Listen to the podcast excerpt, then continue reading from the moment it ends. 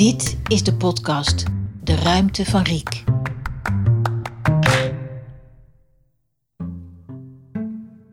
Aflevering 6 De Brug.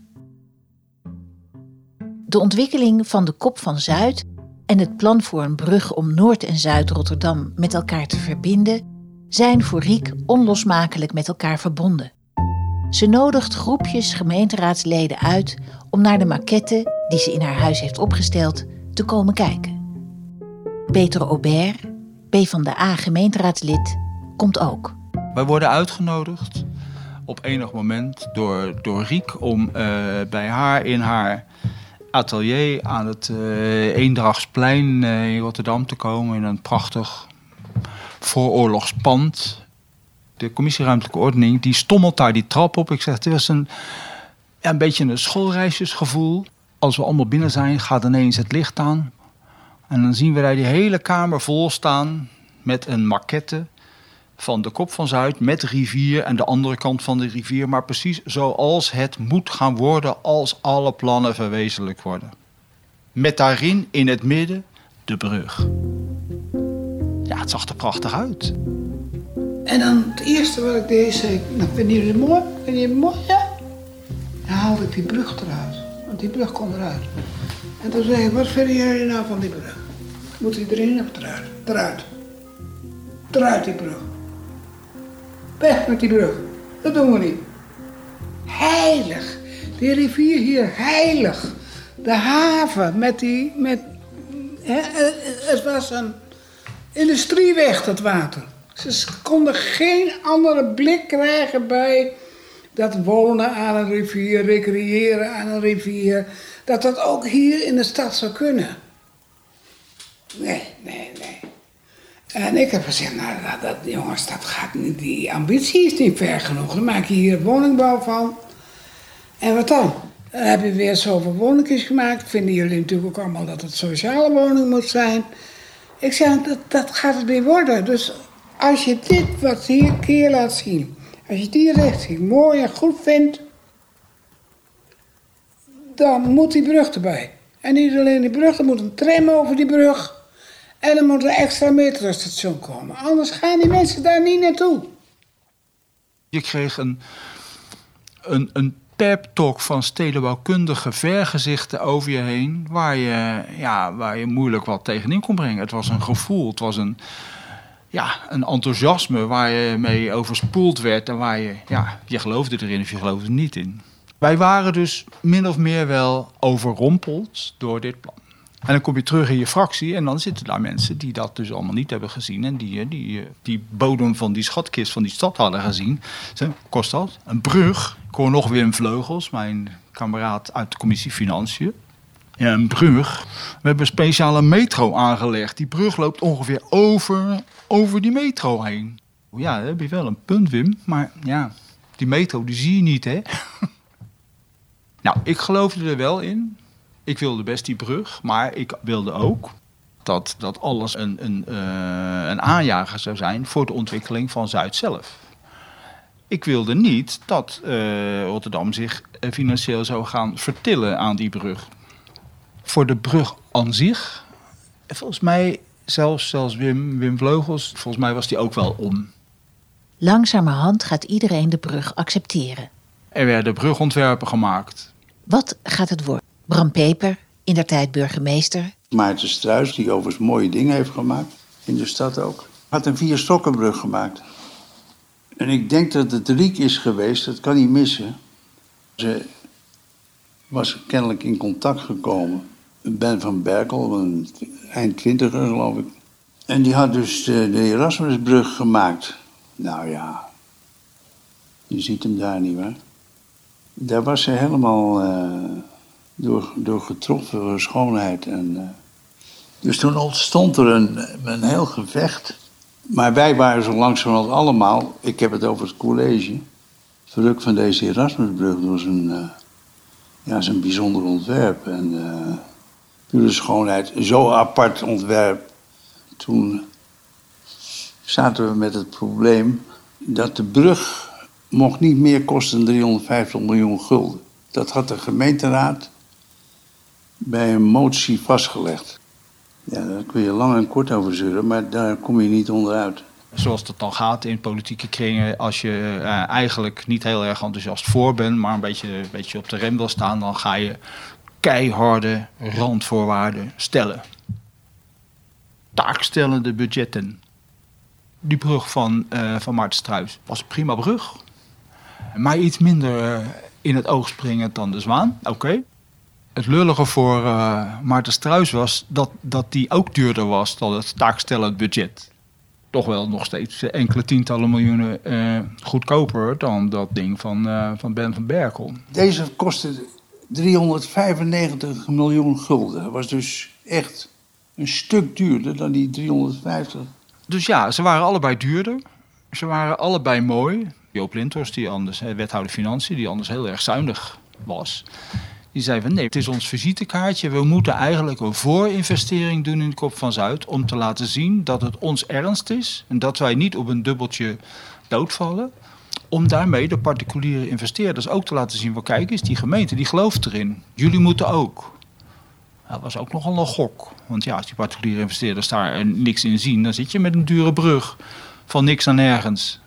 Nou ja, dat is dus uh, het moment dat de, uh, de wegen tussen Riek en mij zich even gingen, gingen scheiden. Want ja, toen uh, ben ik zelf ben ik op de rem gaan staan. Ik zeg van ja jongens, als we zo makkelijk voor een idee, voor een, ja, voor een, voor een esthetisch mirakel 30, 40 miljoen extra uitgeven.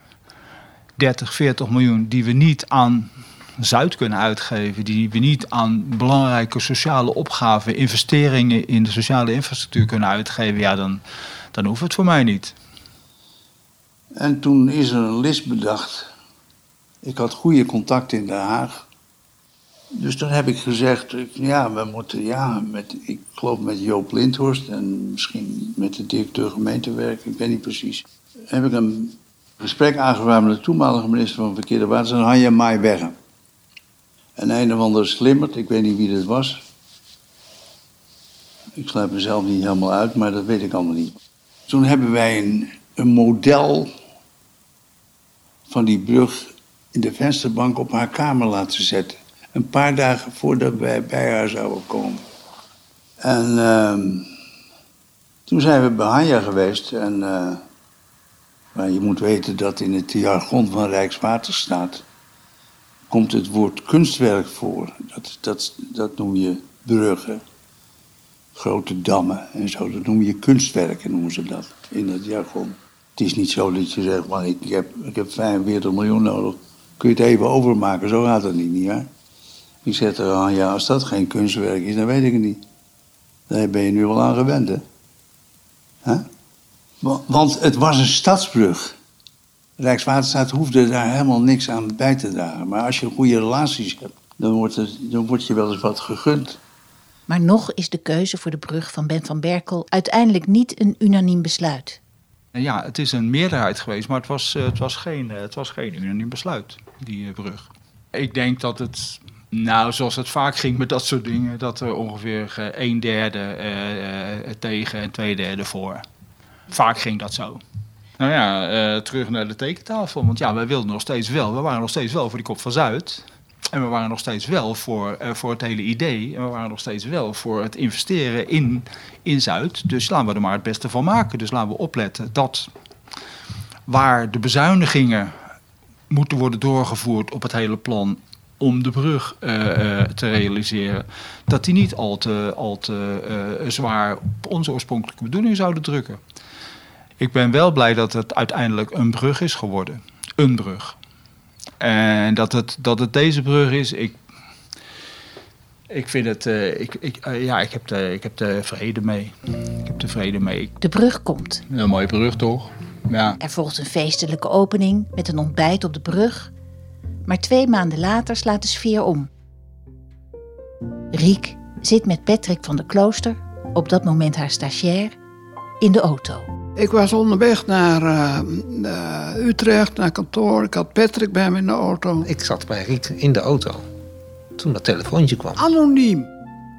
hey, je brug staat te zwiepen. Storm met een bepaalde inslag van regen. En die tuien worden heel zwaar. En dat ding gaat zwieberen. Zodanig dat hij dreigde in te storten. Nou ja, het was verschrikkelijk. Ben van Merkel zei, ja, dat ding, hij gaat niet instorten, hij gaat niet instorten. Nee, nee, nee, Ben, ik begrijp het ook wel. Maar we werden toch wel behoorlijk nerveus.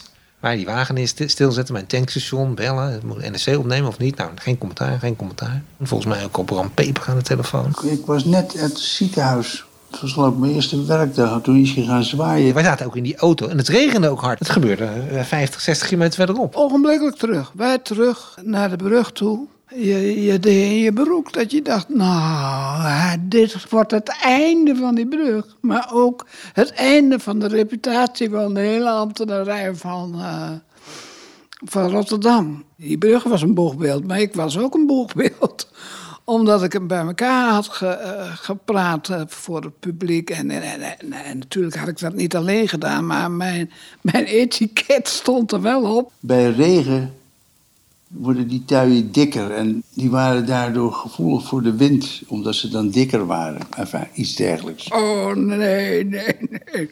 Mislukt, denk je dan? Het kalmeerde gelukkig.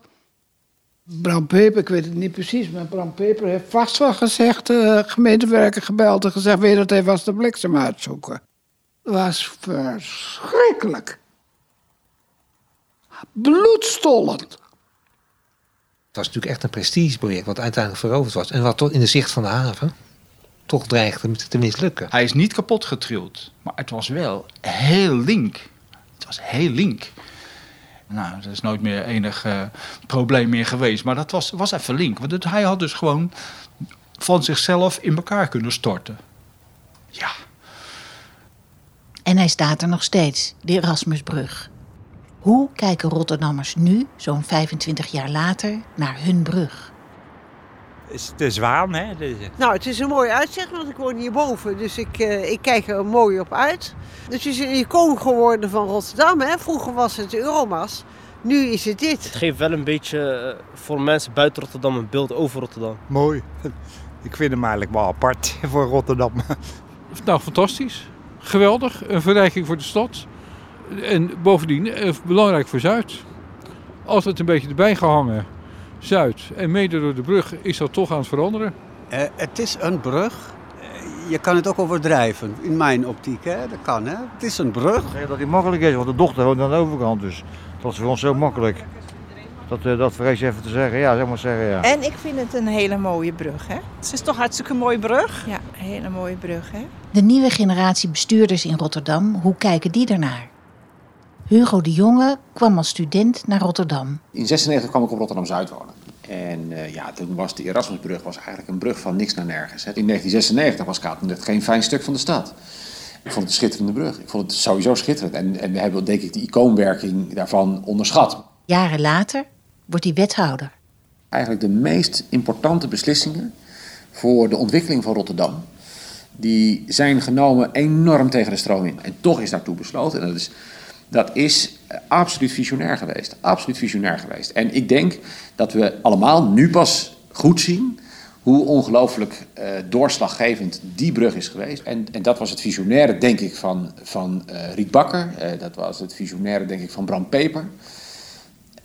Die brug heeft heel Rotterdam-Zuid vlot getrokken eigenlijk. En wat zegt dat voor de toekomst? Dat stadsbesturen de lef moeten hebben om veel verder te kijken dan, eh, dan de dag van morgen. Maar waarbij je moet durven denken, wat heeft dat deel van de stad nodig over 10, 20, 30 jaar? Nou, ik weet nu in ieder geval, ik loop er elke week eh, of één of twee keer overheen eh, hardlopend en wel. En eh, die brug ligt daar prima. Dat, eh, en het is, het is ja, het meest eh, Rotterdamse gevoel wat je kunt hebben is dat je hardlopend over die Erasmusbrug van links naar rechts kijkt en denkt: wat een feest om hier te mogen wonen. Het is, eh, de blik over de Wilhelminapier en Katendrecht vanaf de Erasmusbrug is gewoon prachtig. Ja, ja. Het is een prachtige brug. Hij is sierlijk, hij is dynamisch. Fantastisch eh, van Riet Bakker en Bram Peper. Alle credits voor hen beiden. Zij hebben dat destijds doorgedrukt door de gemeenteraad. Ook al was het dus een, een, een dure prijs. Er waren andere varianten die waren goedkoper. Maar er is uiteindelijk gekozen eh, voor, dit, eh, voor deze brug. En nou ja, het is fantastisch. Het is een, eh, een icoon in de stad geworden. Ja.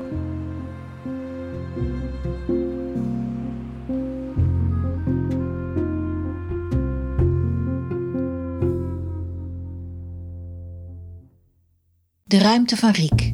Deze podcast hoort bij het gelijknamige boek over stedenbouwkundige Riek Bakker, geschreven door Margreet Vochtelo en Riek Bakker, maar is ook zelfstandig te beluisteren. Idee, interviews en montage Helene Hummelen, productie en aanvullende opnames Wiki de Boer, eindmixage Jan de Wit Postman, muziek Ludot Sessions, Creative Commons 4.0, techniek podcast Jesper Buursink, geproduceerd door Interact, met dank voor de medewerking aan Bram Bakker, Bert Bakker, Leon de Jong, Job de Jong, Eva de Jong, Venna de Vries, Willem Westerik, Bram Peper, Peter Aubert, Patrick van der Klooster, Hanno Peil, Ilse Saris, John Krul, Mark Kikkert, Annemarie Jorritsma, Hugo de Jonge, Katrien Prak, Therese Mol en Riek Bakker.